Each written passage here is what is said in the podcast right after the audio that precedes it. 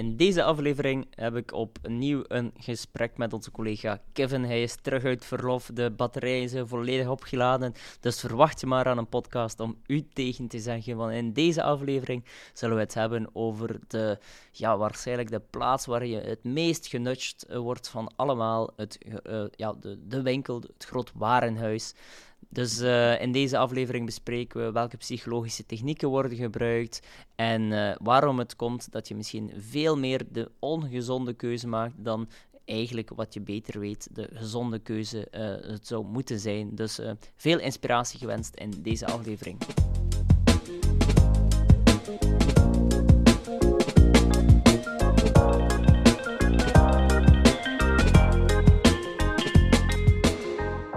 Ja, uh, ik, ben, uh, ja, ik ben gisteren naar de supermarkt geweest en ik probeer zoveel mogelijk op, op mijn voeding te letten.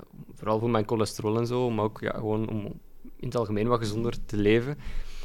Uh, maar ik, allee, ik ga altijd met goede moed naar de supermarkt, maar eens dat ik daar ben, heb ik echt constant de neiging om, om, om ja, ongezonde producten in mijn winkelkark te leggen. En hoe, hoe komt dat eigenlijk? Ja, want uh, dat is volledig uh, normaal. Kevin uh, weet wel uiteraard en, op kantoor dat je misschien in ons team niet de normaalste bent, de grootste hoek af. Maar het feit dat je, dat je in een groot warenhuis constant wordt ja, uh, je aandacht wordt getrokken naar producten die misschien iets minder gezond zijn dan je zou wensen te kiezen, is, uh, is volledig normaal. Hè. We zien dat, uh, ik zeg dat ook soms alleen in onze workshops, als je in een groot warenhuis binnenstapt, dan, ja, dan ontvang je eigenlijk een atoombom aan nudges, om het dan zo te noemen omdat er continu, continu genudged wordt. Er zijn heel veel technieken. En ja, dan denk ik, als je bijvoorbeeld gewoon al kijkt naar verschil tussen winkels, eh, hoe bepaalde winkels zijn ingericht, zie je al hele grote verschillen. Zo zie je in bepaalde ketens dat ze starten met fruit en groenten, terwijl andere ketens eerder starten met chips, uh, ongezonde mhm. voeding. Mhm. En dat is uiteraard uh, ja, heel bewust gekozen. Dus ik weet niet of dat jij... Uh, ben je met honger naar de winkel geweest?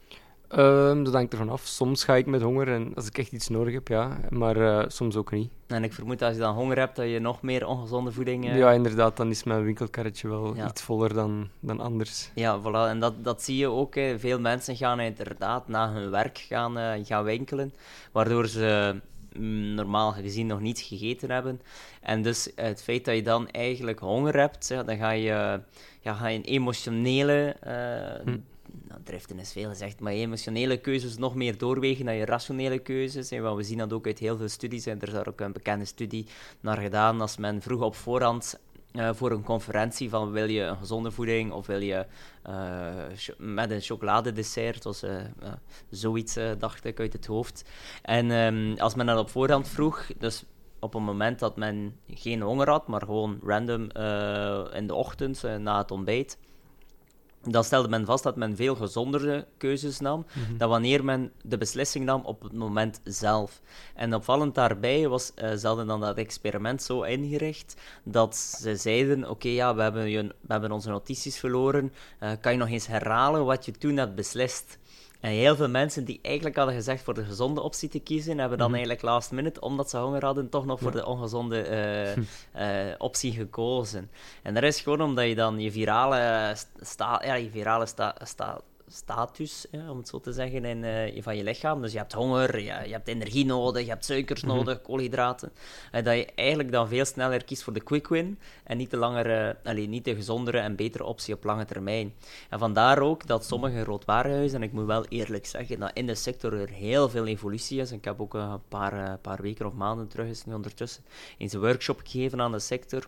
En je ziet wel dat de de sector uh, sterk aan het evolueren is. Dat er steeds meer ketens uh, echt wel die corporate responsible rol opnemen en in plaats van de ongezonde opties als eerste te nemen, mhm. de gezonde opties uh, vooraan te zetten, om dan mensen net meer te nudgen mhm. naar, het, uh, naar het gezondere. Want ja, mensen denken heel vaak op korte termijn, wel een snelle, wel een instant gratification, zeg je dat ook, wel een snelle oplossing.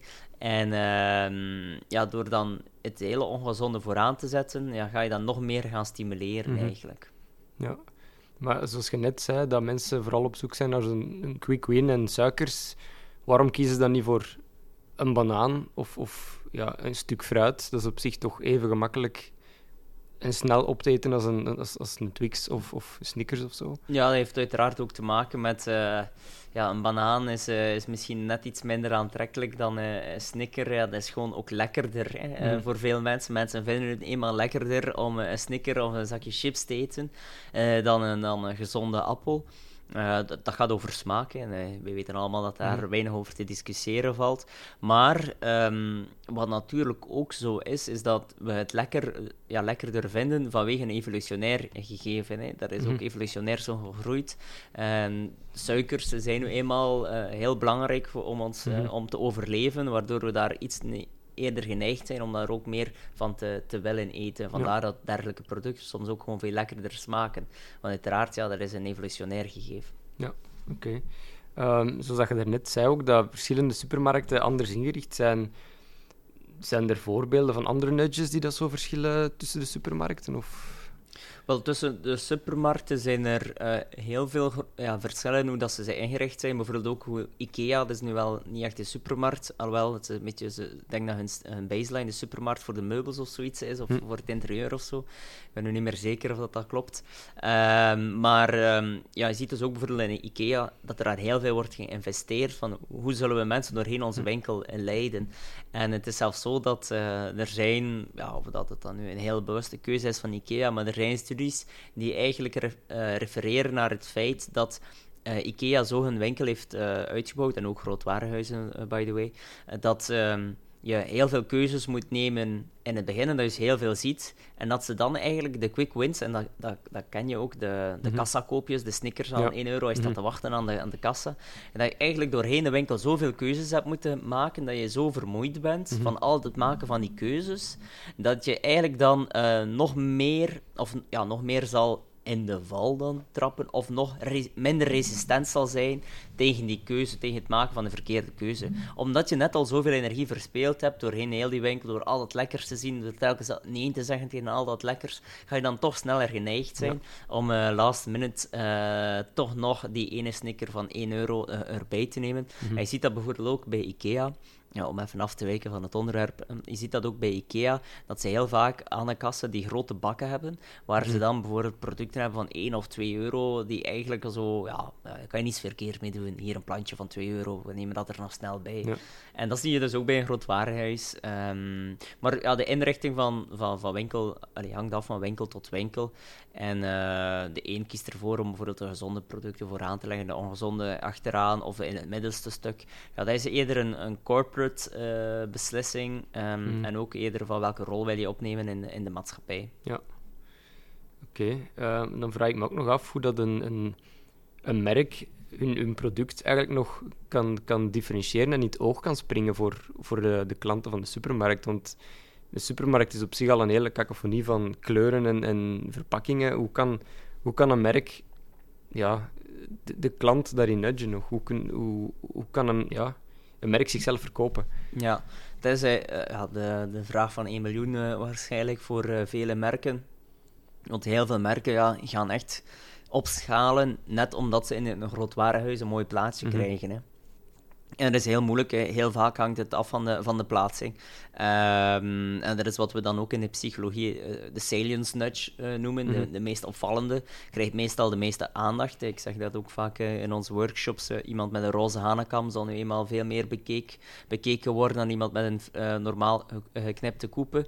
Dus um, dat is net zo in een groot warenhuis. Zaken die opvallen, die eruit springen, ja, gaan nu eenmaal veel meer de aandacht trekken. En dat kan je op verschillende manieren doen. Je kan bijvoorbeeld door design opvallen, hm. dat het heel erg afwijkt um, in vergelijking met de rest. als je bijvoorbeeld in een, uh, op een plaats allemaal gele bananen hebt, en dan heb je in het midden rond alle gele, of ja, tussen alle gele bananen een donkerrode tomaten, zeer exclusieve tomaten, die dan bijvoorbeeld ook nog eens een kortingscode hebben eh, of een, een, actie. En dan, dan, is de kans groter dat we voor die dat toch de mensen naar die tomaten gaan kijken, worden genudged door de actie en dus er ook sneller voor zullen kiezen. Maar de tomaten vallen op omdat alles rond geel of Mhm. lichtgroen is Ja. eh, bij bananen. Maar net daarom vallen ze op. Dus dat is opvallen door eh, af te wijken van het normale. En het normale wordt bepaald door de meesten. Ja. In dit geval, de meeste zijn hier bananen. Maar je kan evengoed ook opvallen door eh, een, ja, een bordje te plaatsen of dat op een een speciale locatie te zetten. Ik was gisteren in eh Albert Heijn en voor de mensen die hier eh, af en toe eens Albert Heijn bezoeken, dan moet je eens eh, letten. Heel vaak in de tussengangen, Mhm. tussen de... Ik weet niet of dat nu West-Vlaams is, eh, rayons. wat Mhm, is dat? ja, nee, nee, nee eh. Goed, eh, dat, dat tussen de, de, de tussengangen ga je heel vaak zien dat daar hun bonusacties ook extra Ja. in de picture staan. Ja, en dat is omdat je daar net dan weer meer aandacht hebt Mhm. dan in de, de rayons, dus volledig zelf, waar je alle producten hebt. Mhm. En dat is nog een optie dat je kan doen, dus door de locatie. en de, de derde optie, en dat zien we trouwens in studies, dat de meest interessante optie is, of de best werkende optie, om mensen te nudgen naar een gezonde keuze. Mhm. En daar is het gewoon veel meer aan te bieden. Ja. Eh, door de, de, de plaats die je daarvoor voorziet in de winkel veel groter te maken. Mhm. En dus er zijn al heel veel, en ja, daarvoor is nudging ook gekend, hè, want er zijn al heel veel studies gedaan naar het promoten van gezonde keuzes, gezonde voeding.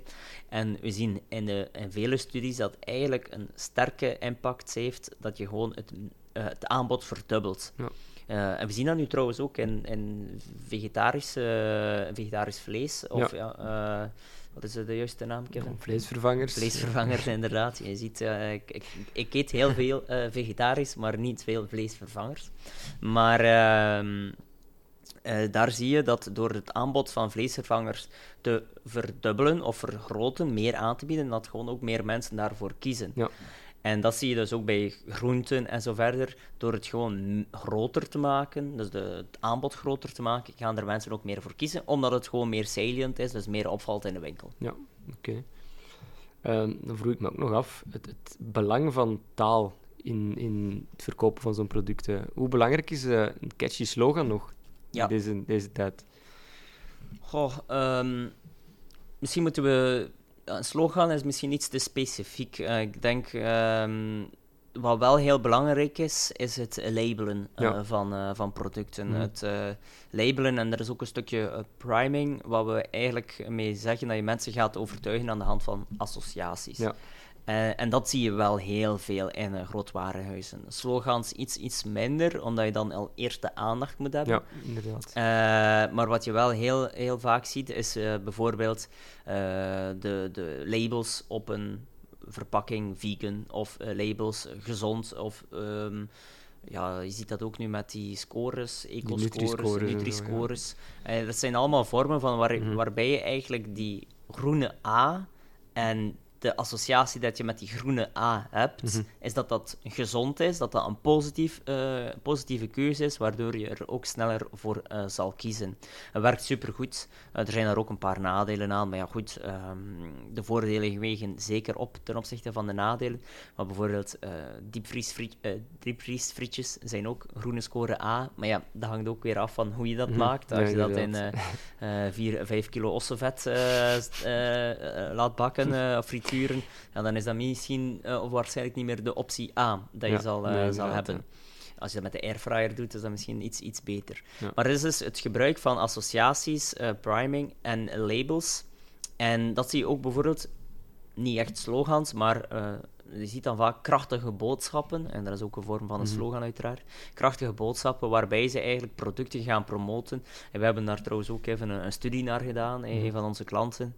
Eh, we hebben niet gedubbelcheckt of we dat mogen zeggen, dus we gaan de naam niet noemen. Maar eh, een van onze klanten hebben we onderzoek gedaan, het is een horeca-speler. hoe dat we via bijvoorbeeld eh, priming en labeling bepaalde gerechten meer kunnen eh, ja, promoten en dus eh, meer kunnen laten gekozen worden. En daar zagen we vaak dat, eh, als we dan keken naar in de sector, dat je bijvoorbeeld ja, de, de gezonde optie, en dat je net door dat al te vermelden, de gezonde optie, de labels, Mhm. hè, de, de caloriearmste optie, dat je door dat al te vermelden, eh, mensen, allee, meer mensen gaat overtuigen om daarvoor te kiezen. Terwijl uiteindelijk dat allemaal subjectief is, Mhm. want je kan zeggen dat is een gezondste optie, akkoord, maar in vergelijking met wat? Eh, als je zegt van de gezondste optie, en nu trek ik het even op flessen, nee, eh, water drinken is de gezondste optie. Mhm. Maar als je zegt van dit is de gezondste optie binnen de frisdranken, klopt, is de gezondste optie. Maar het is niet de gezondste Ja. optie, want je hebt nog water. Mhm. Dus je- daar zie je wel vaak dat er, ja, dat er wel een grijze zone is. Mhm. Ehm, en dan, ja, wat ik ook tegen, allee, regelmatig zie in de supermarkt, is dat ze zo proevertjes zetten en zo. Dus ik ga ervan uit dat dat ook wel heel hard heel goed werkt voor eh, ja, klanten te nudgen en zo. Ja, proevertjes is een mooi voorbeeld van het wederkerigheidsprincipe en eigenlijk ook een stukje microcommitment. Ehm het wederkerigheidsprincipe, dat, dat, dat, dat is eigenlijk van, oké, ik heb iets gekregen, dus ik zal sneller geneigd zijn, of mensen zullen sneller geneigd zijn om iets terug te doen. En door net ja, dat je iets gekregen hebt, je ziet dat ook niet enkel in de grootwarenhuizen, ook op de markt en zo, doordat je iets gekregen hebt en dan die persoon, en meestal zijn er wel goede verkopers ook, die zeggen van, ah mevrouw, hier eh, moet ik het proeven van onze eh, blinde vink. Eh, En, eh, en dan zeggen ze, eh, en ze zijn toevallig ook vandaag in promotie. Ja, ja, en, en is lekker ja. mevrouw. Ja, Mhm. ja, lekker. En wel, kijk, hier in promotie. En die meneer heeft net, of mevrouw heeft net iets gegeven. En ze zijn dan ook nog eens in promotie, schaarste. En waardoor we er sneller, ook, sneller onbewust, sneller geneigd zullen zijn om ervoor te kiezen. En de microcommitments, eh, om het dan zo te zeggen, is het feit doordat het een proevertje is, gratis, heb je al een eerste stap gezet naar het kennismaken van dat eh, En dat is iets dat we vaak ook aanraden in onze eh, analyse- en adviestrajecten, is door een proevertje aan te bieden. Ja. Je kan er ook in heel veel contexten, ook in bedrijfscontexten uiteraard, eh, dat moet niet altijd via eten zijn, maar door een gratis proevertje aan te bieden, maak je het makkelijker, de stap makkelijker, Mhm. kleiner, om eh, kennis te maken. En doordat de eerste stap is gezet, zien we dat de volgende stap veel sneller zal volgen. Dus het is wederkerigheidseffect eigenlijk dan. Ja, ja, Ja. ja. in combinatie met de microcommitment. Je hebt ja. iets gekregen en het is een kleine stap om kennis te maken. Ja, oké. Ja, en dan, ja, om af te sluiten heb ik nog één heel korte vraag. Eh, werkt het afspelen van Italiaanse muziek effectief bij de verkoop van Italiaanse wijn? Want ik, allee, elke keer als ik Eros Ramazzotti door de speakers van de supermarkt hoor knallen, heb ik meer zin in pasta dan in Italiaanse wijn. Ja, er, er zijn inderdaad, er, is ook, er zijn veel studies naar gedaan en er is ook een, een vorm van priming. Hè. Dus ehm, weer die associaties.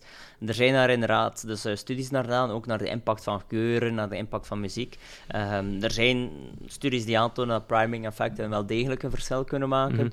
Er zijn ook studies die aantonen dat het geen effect heeft. Er is bijvoorbeeld een studie die aantoonde dat inderdaad dat dan hier Franse muziek eh, ervoor zorgde dat wijnen meer werd Ja. gekozen in vergelijking met Duitse muziek. eh, Ja. bijvoorbeeld, dan werd waarschijnlijk de zuurkool en de worst meer gekozen. Ja, maar goed, dat stond niet in die, die paper, dus eh, dat is een aanname voor alle duidelijkheid. Maar het klopt wel dat, eh, dat ook muziek een impact kan hebben op de beslissing die mensen nemen. Alright, Ook de geuren, hè, trouwens. Als je bijvoorbeeld, eh, daar wordt ook vaak mee geëxperimenteerd. Broodgeur eh, bij de bakkerafdeling. eh, om mm, lekker fris vers brood. Oké. Alright, ja, nee, dan dank ik u bij deze voor het eh, informatieve gesprek, Reinoud. Tot de volgende keer. Ja, tot de volgende.